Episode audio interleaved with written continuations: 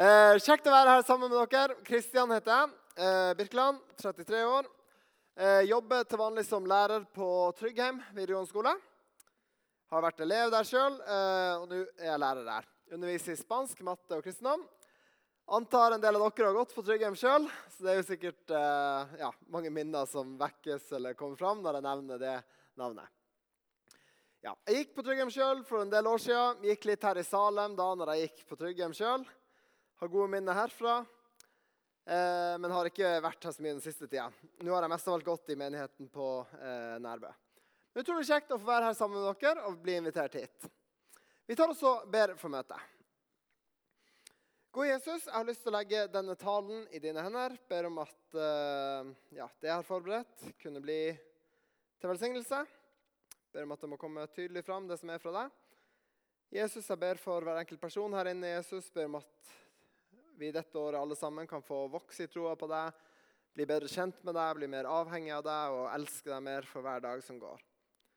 Eh, hjelp oss spesielt å ta godt imot og ta oss av nye nå ved semesterstart, Jesus. Så vi har lyst til å be for Afghanistan, vi har lyst til å be for ja, alle vonde ting og vanskelige situasjoner som skjer rundt omkring i verden. I Jesu navn. Amen. Ja, Eh, jeg har lyst til å begynne med å eh, ta dere med en uke tilbake i tid. Eh, altså forrige søndag som var. Så var jeg tilsyn eller vakt eh, på Tryggheim.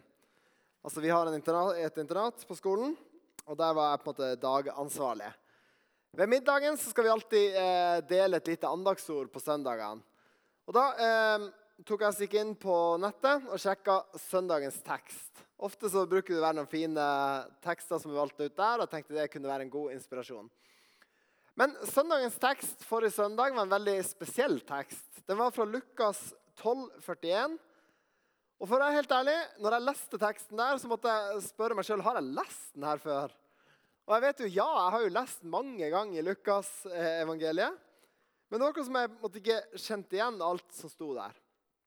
I Lukas 21 så taler Jesus om når han skal komme igjen.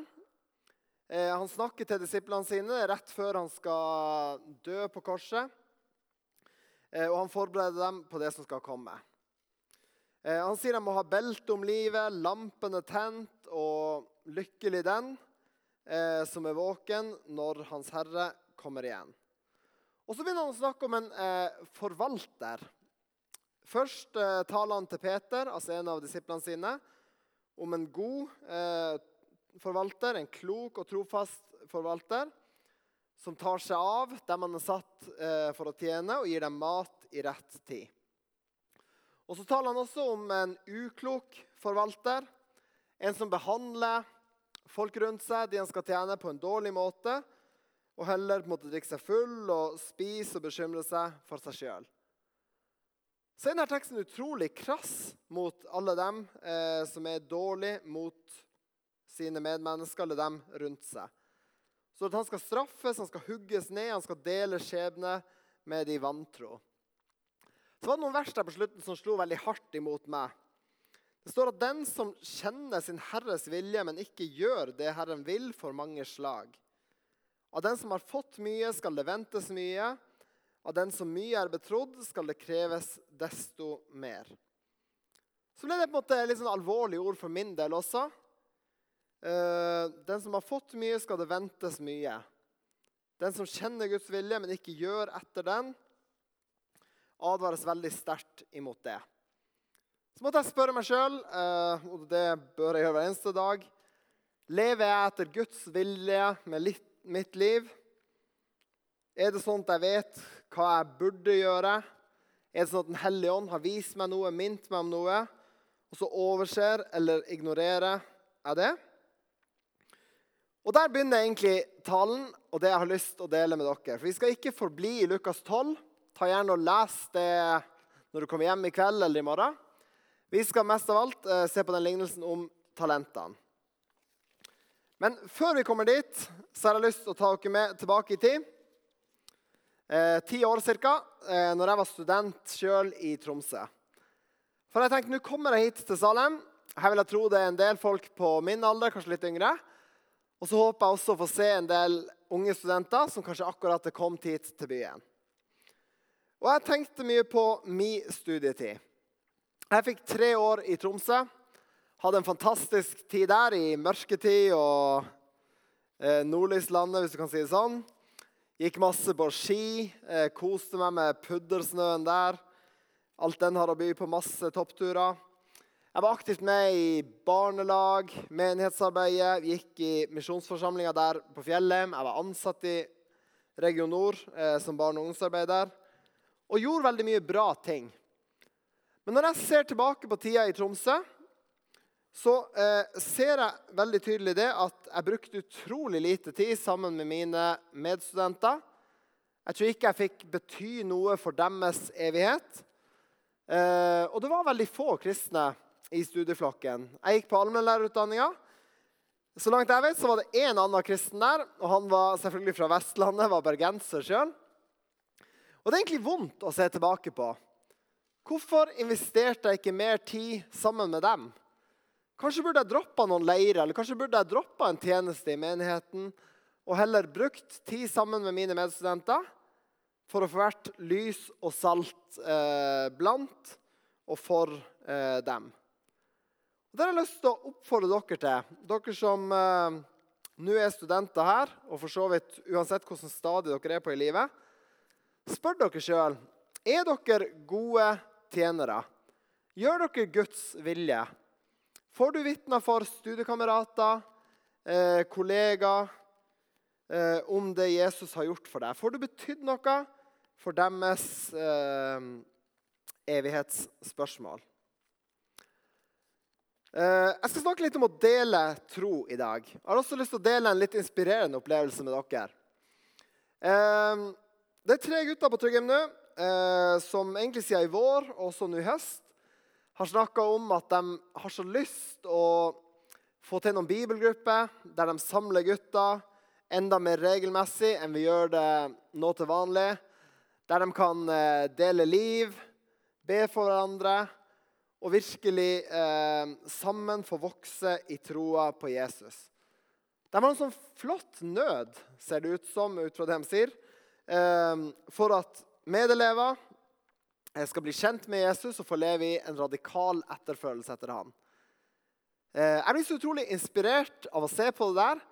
Og så blir jeg også litt skamfull. Hvordan er det mulig at uh, det initiativet skal komme fra dem sjøl, og ikke måtte være sådd inn fra oss lærere for lenge siden? Med det i bakhodet, eller som en intro, så går vi i gang med teksten jeg har lyst til å dele med dere. Vi går til Matteus 25. Den tror jeg vi også får opp på skjermen her. Eh, så skal vi lese om talentene, vers 14 til 30. Da kan vi bare si det med en gang. Eh, I dag, når vi leser den her, skal vi forstå talentene som Guds ord eller evangeliet. Første gang du leser den her, så tenker du kanskje på evner Gud har gitt deg, eller på nådegaver. Kanskje det å forsyne eller be for andre eller administrere. Men i dag skal vi lese denne med det fokuset at talenten handler om, Guds ord eller evangeliet. Og da står det i Matteus 25, 14. Eh, det er som en mann som skulle dra utenlands. Han kalte til seg tjenerne sine og overlot dem alt han eide. En ga han fem talenter, en annen to og en tredje én talent, etter det hver eh, enkelt hadde evne til. Så reiste han. Han som hadde fått fem talenter, gikk straks bort og drev handel med dem og tjente fem til. Han som hadde fått to talenter, gjorde det samme og tjente to til. Men han som hadde fått én talent, gikk bort og gravde et hull i jorden og gjemte sin herrens, herres penger. Da lang tid var gått, kom tjenerens eh, herre tilbake og ville holde regnskap med dem. Han som hadde fått fem talenter, kom fram og hadde med seg fem til og sa, 'Herre, du ga meg fem talenter. Se, jeg har tjent fem talenter til.' Herren hans svarte, 'Bra, du gode og tro tjener. Du har vært tro i lite. Jeg vil sette deg over mye. Kom inn til gleden hos din herre.' Også han med to talenter kom fram og sa, 'Herre, du ga meg to talenter. Se, jeg har tjent to til. Herren han svarte, 'Bra, du gode og tro tjener. Du har vært tro i lite, jeg vil sette deg over mye.' 'Kom inn til gleden hos din herre.' Så kom også han fram som hadde fått én talent, og sa, 'Herre, jeg visste at du er en hard mann, som høster hvor du ikke har sådd, og sanker hvor du ikke har strødd.' Derfor ble jeg redd og gikk og gjemte talenten din i jorden. Se, her har du ditt. Men Herren svarte han, du dårlige og late tjener. Du visste at jeg høster hvor jeg ikke har sådd, og sanker hvor jeg ikke har strødd. Da burde du ha overlatt pengene mine til dem som driver med utlån, så jeg kunne fått dem igjen med renter når jeg kom tilbake. Ta derfor talenten fra han og gi den til han som har de ti talentene.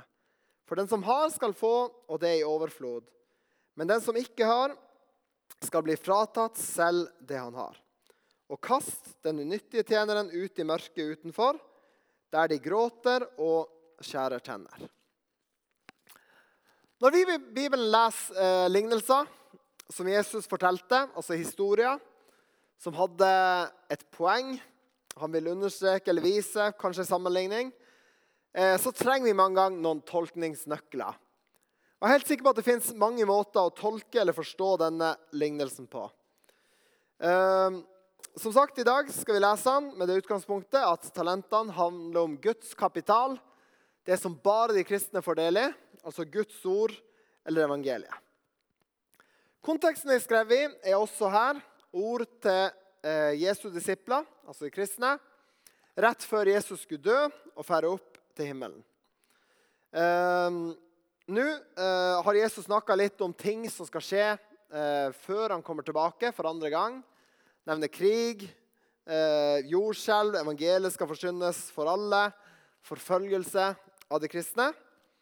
Og Nå bruker han denne lignelsen til å understreke hvordan vi kristne skal vente på at Jesus kommer tilbake igjen eh, til jorda.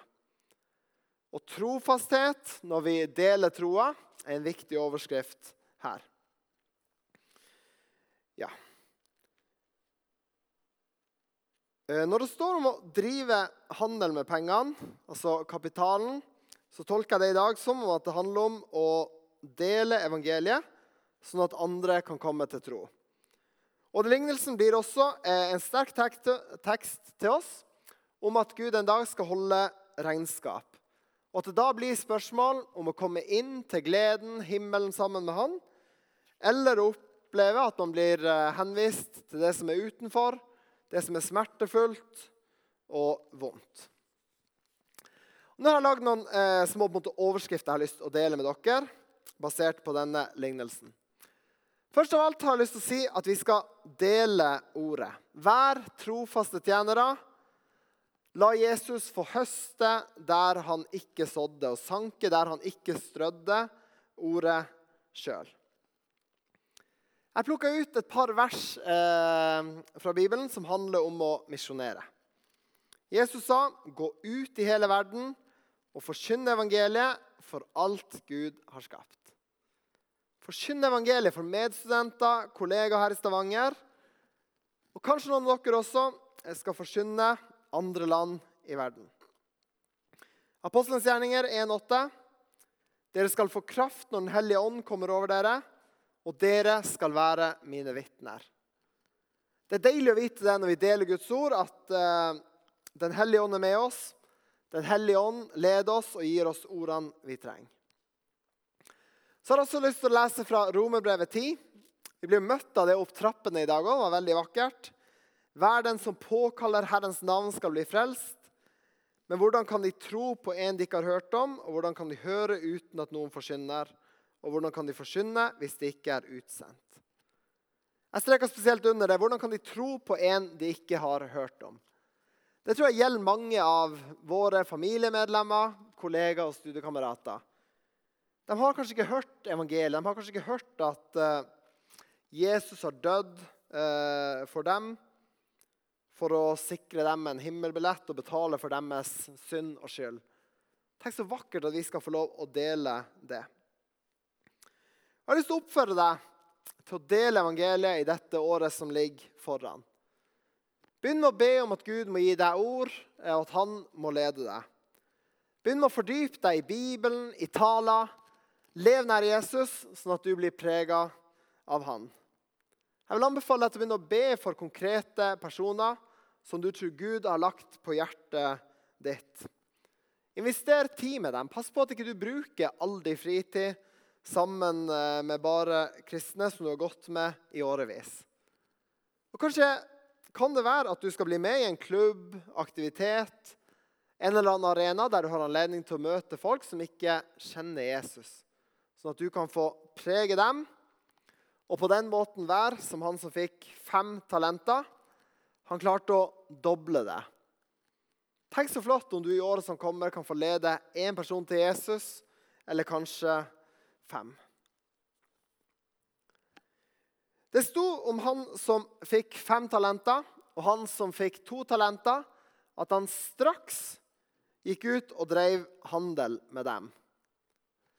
Jeg vet ikke hvordan du forholder deg til tidsfrister, men jeg personlig er litt sånn at uh, jeg jobber best definitivt under press. Hvis jeg forbereder en tale, hvis jeg har en hjemmeeksamen Uansett hva det er. Jeg har forberedt timer òg på skolen. Hvis det er mange dager fram i tid, er det like greit å ikke begynne. ass. Da er jeg så ueffektiv og får ikke produsert noen ting. Jeg sitter ukonsentrert og kaster bort tida mi. Men hvis deadline nærmer seg, da gjør jeg det skikkelig. Når vi deler evangeliet, så vet vi ikke nøyaktig når Jesus kommer tilbake. Det står at ingen kjenner timen, ikke engang sønnen, altså Jesus sjøl. Men eh, vi skal våke, og det kan skje tid som helst. Eh, hvor lang tid har vi på oss til å dele evangeliet? Det vet vi ikke. Derfor bør vi straks, altså umiddelbart, gå i gang. Eh, når jeg ser det straksordet, så tenker jeg på den samaritanske kvinna. I Johannes 4 står det om ei dame eh, som var kommet eh, for å dra opp vann midt på dagen. Eh, og der med brønnen hvor hun er, i steikende sol, der sitter også Jesus. Bare helt kjapt tar jeg dere gjennom historien. De begynner å snakke. Jesus forteller henne om eh, Guds gave og det levende vann som gir evig liv. Han vitner egentlig om seg sjøl. Dette er ei dame som eh, var en slags jøde. Litt utvanna jødedom, det samaritanerne trodde på. Men hun blir så grepet av det ordet Jesus deler med henne, at det står at hun bare setter fra seg krukka, springer inn i byen og begynner å snakke med folk hun egentlig hadde en dårlig relasjon til, om det er en mann her ute. Han har sagt meg alt det jeg har gjort. Kommenterte at jeg hadde hatt fem menn tidligere i livet. Han skulle ikke være Messias. Så står det liksom der i Johannes 4 at pga. ordene til å være kvinne, så var det mange i bygda som kom til tro på Jesus. Og det var enda flere som begynte å tro når de fikk høre Jesus sjøl forkynne. Der ser vi et nydelig eksempel på ei dame som egentlig ikke kan så mye, ikke har så mye kunnskaper, men som har fått erfare Jesus, og som bare straks går i gang med å vitne og dele. Ehm, jeg vet ikke om dere sitter og tenker på det at det var én person som fikk fem talenter, en person som fikk to talenter. Hvis hvis dette er tale om evangeliet eller Guds ord, hvordan er det mulig? En forklaring er å se på det som om at uh, vi har fått ulik innsikt, kunnskap og forståelse av Guds ord. Uh, alle er like mye frelst som har søkt tilflukt hos Jesus. Alle er like mye tilgitt, alle er like mye rettferdig. Men vi har ulik innsikt, forståelse og lys over ordet. Men selv om du føler at du har lite innsikt i evangeliet. Kanskje føler du at 'jeg har bare fått én talent, jeg har ikke noe å dele'. Så viser lignelsen oss det så klart at det er ingen unnskyldning. Gud vil at du skal dele det du har fått sett, det du har fått høre med andre. Og det vil gi avkastning. Det vil bære frukt.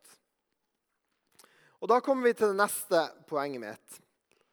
Eh, det står om han første mannen som gikk med talentene sine. Eh, at han drev handel med dem. Men på grunnteksten så sier de at det står at han satte pengene til å arbeide. Høres utrolig passivt ut. Satte pengene til å arbeide, men så ble verdien fordobla. Jeg tror det også sier oss noe fint om Guds ord. Når vi sår eller sprer Guds ord, deler det, så kan vi ha den tilliten til at det er et levende, kraftfullt, ord som vil fortsette å jobbe i hjertene til dem som har hørt det. I Isaiah 55 står det om Guds ord at det vender ikke tomt tilbake, men gjør det jeg vil, og fullfører det jeg sender det til. I Hebrevet 4,12.: Guds ord er levende og virkekraftig og skarpere enn noe tveget sverd. Det trenger igjennom til det kløver sjel og ånd, marg og bein, og dømmer hjertets tanker og planer. Dette er vers som virkelig gir meg frimodighet. Som jeg sa tidligere, ikke for å skryte, men jeg har vært med på mange barnelag, leirer, stått foran flokka og kjent på at søren, denne andakten ble ikke sånn som jeg hadde ønska. Liksom. Dette tror jeg ikke var power, eller jeg er redd for at det ikke nådde inn. Men så er det så godt å vite at Guds ord er virksomt. Det trenger gjennom. Det fortsetter å arbeide eh, etter at jeg har satt meg. Og Gud kan gjøre under. Den hellige ånd kan få vist eh, personene hvem Jesus er, gjennom det som blir sådd. Det syns jeg er fantastisk å vite om. Jeg har også lyst til å snakke litt om det som venter oss. Lignelsen her eh, blir fortalt i den eh, konteksten at Jesus forbereder disiplene på ventetida før han kommer igjen. Eh, det som venter oss den dagen Jesus kommer igjen, er til alle troende lik kompensasjon. Han som fikk to talenter og dobla den kapitalen, han som fikk fem og dobla den kapitalen Begge to fikk høre nøyaktig samme ord. Gode og to, tro tjener, kom inn til gleden. Eh, så er det også en liten detalj i teksten der som jeg syns er utrolig fascinerende. Eh, og det er det at eh, han som fikk fem talenter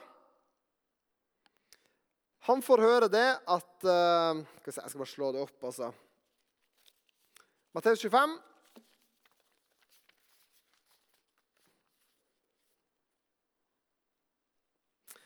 Ja, der står det Du har vært tro i lite, jeg vil sette deg over mye.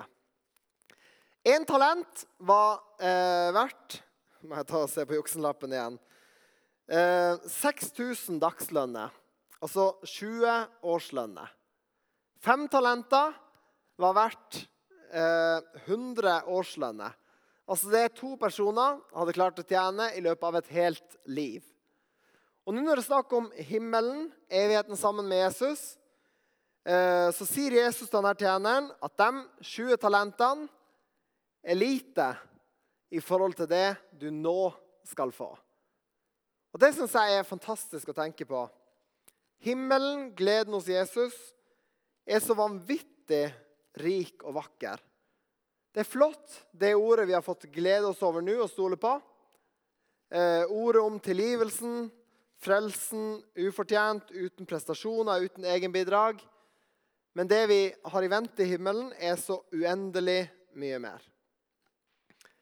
I 1. Korinterbrev 13 understrekes det at nå forstår vi stykkevis, men når det fullkomne kommer, skal det som er stykkevis, ta slutt. Her i livet får vi glede oss over Jesus, kjenne på hans godhet, omsorg og hvor godt det er å være hans barn. Men det er så uendelig mye større det vi skal få oppleve på den andre sida av dette livet en dag. Vi skal få herske sammen med Jesus som konger. Erfare helt ut. En dag skal gåtene finne sitt svar. Ja. Se for dere evigheten. Det står at ulv og lam skal kunne beite sammen. Det er virkelig fred. altså. Ingen sorg, ingen smerte, ingen pine, ingen bekymring. Vi skal nærme oss landing, og da må jeg få snakke om han som feila. Han som fikk én talent, Eh, ble redd, visste at eh, Herren var streng, og valgte å grave ned i jorda. Det å grave ned eh, verdifulle gjenstander var normalt i Midtøsten på denne tida. Det er litt som om vi skulle funnet en safe. På film ser vi i hvert fall folk som eh, kjøper seg en kasse eller boks i en bank og oppbevarer eh, verdifulle gjenstander i. Men denne mannen han blir omtalt som ond og lat. Eh, jeg tror vi, Det er ulike måter å se det her på. Jeg har lyst til å holde frem to teorier for dere. Det som er helt sikkert, er at han som fikk én talent, var også en person som eh, var kristen, og som venta på Jesu gjenkomst. Første teorien, eller forklaringa, er at dette kan sammenlignes med en person som er redd for å miste troa si eller miste evangeliet.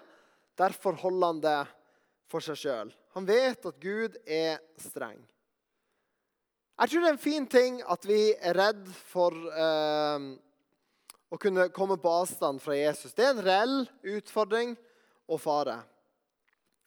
Men Jesus er så tydelig på at selv om vi er redd for det, så er det så viktig at det vi har fått, det må vi dele. Hvis ikke vil det bli fratatt oss.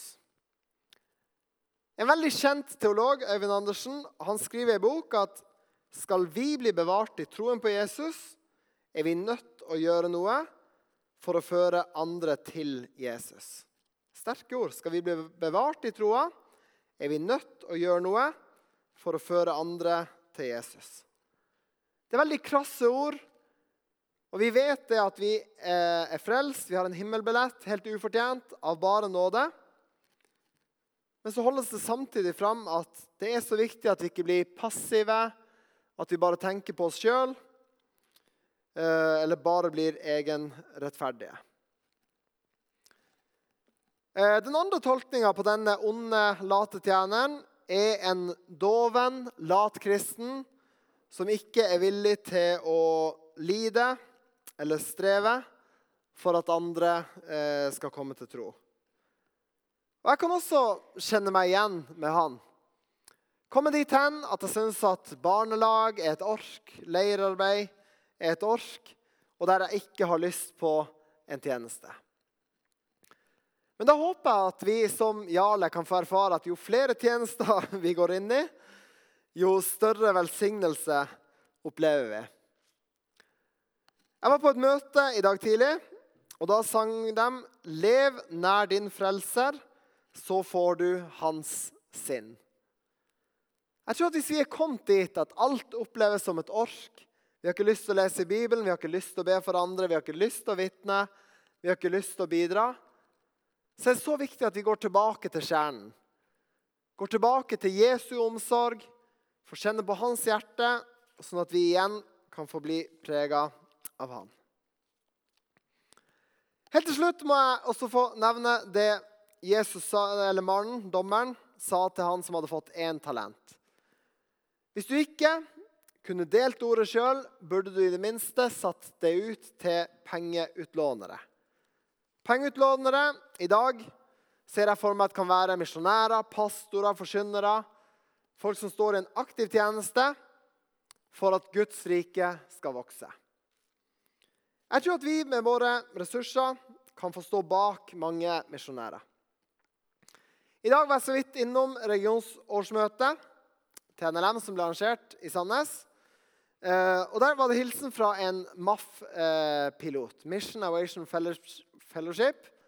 En misjonspilot eh, som er støtta av vår organisasjon igjen.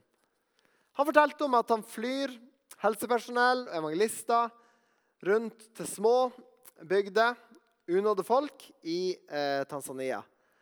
Og han sa at den organisasjonen, som vi også er med å støtte, har 1500 destinasjoner. Altså 1500. Flere destinasjoner enn eh, de største flyselskapene i verden. På det møtet fikk vi også høre om et lesesenter som er bygd eh, i en by i Afrika de ikke kunne nevne navnet på. For det er sensitivt arbeid blant muslimer. Men vi kan få være med på så masse stort. Og jeg tror at vi kan både få lov til å arbeide den kapitalen eh, vi har, del ordet sjøl, samtidig som vi også støtter f.eks. økonomisk og gjennom forbønn. Gud har velsigna oss så rikt og med så masse. En siste ting jeg vil minne dere om, er hvorfor er jeg og du her fortsatt på jorda? Hvorfor har ikke Jesus bare henta oss hjem til seg? Er det sånn at Jesus eh, vil at vi skal modnes som kristne før vi kommer hjem til han? Nei, det er ikke nødvendig. Den dagen du tar imot Jesus, er du perfekt frelst, 100 vaska rein, 100% klar for å møte han ansikt til ansikt. Grunnen til at vi er her i dag, er fordi at Jesus har tålmodighet med menneskeheten. Han vil at flere mennesker skal bli frelst. Han vil se enda mer frukter av det han gjorde for oss på Golgata. Vi er her for at det fortsatt er håp om at mennesker skal komme til tro gjennom oss. Ta med dere som en avslutning 2. Peter 3,9. Herren er ikke sen med å oppfylle løftet, som noen mener. Han er tålmodig med dere, for han vil ikke at noen skal gå fortapt, men at alle skal nå fram til omvendelse. Da har jeg lyst til å be for å avslutte. God Jesus, det er krasse ord du møter oss med i denne lignelsen. Men Jesus, jeg ber om at vi må få være som han som fikk eh, fem og to talenter. At vi kan være folk som umiddelbart går i gang med å dele ordet og får med oss andre på himmelveien. Så takker jeg også, Jesus, for at det er sånn at når jeg feiler, ikke får det til, ikke gjør som jeg burde, så er det også mulighet til tilgivelse og ny start hos deg. Takk for at kristenlivet mitt ikke skal handle om et ork eller prestasjoner. Takk for at det skal handle om et fellesskap med deg der du går sammen med oss. Igjen har jeg lyst til å legge Salem og menigheten her i dine hender, Jesus. Måtte det være en menighet som virkelig blir prega av deg, gode far. I Jesu navn. Amen.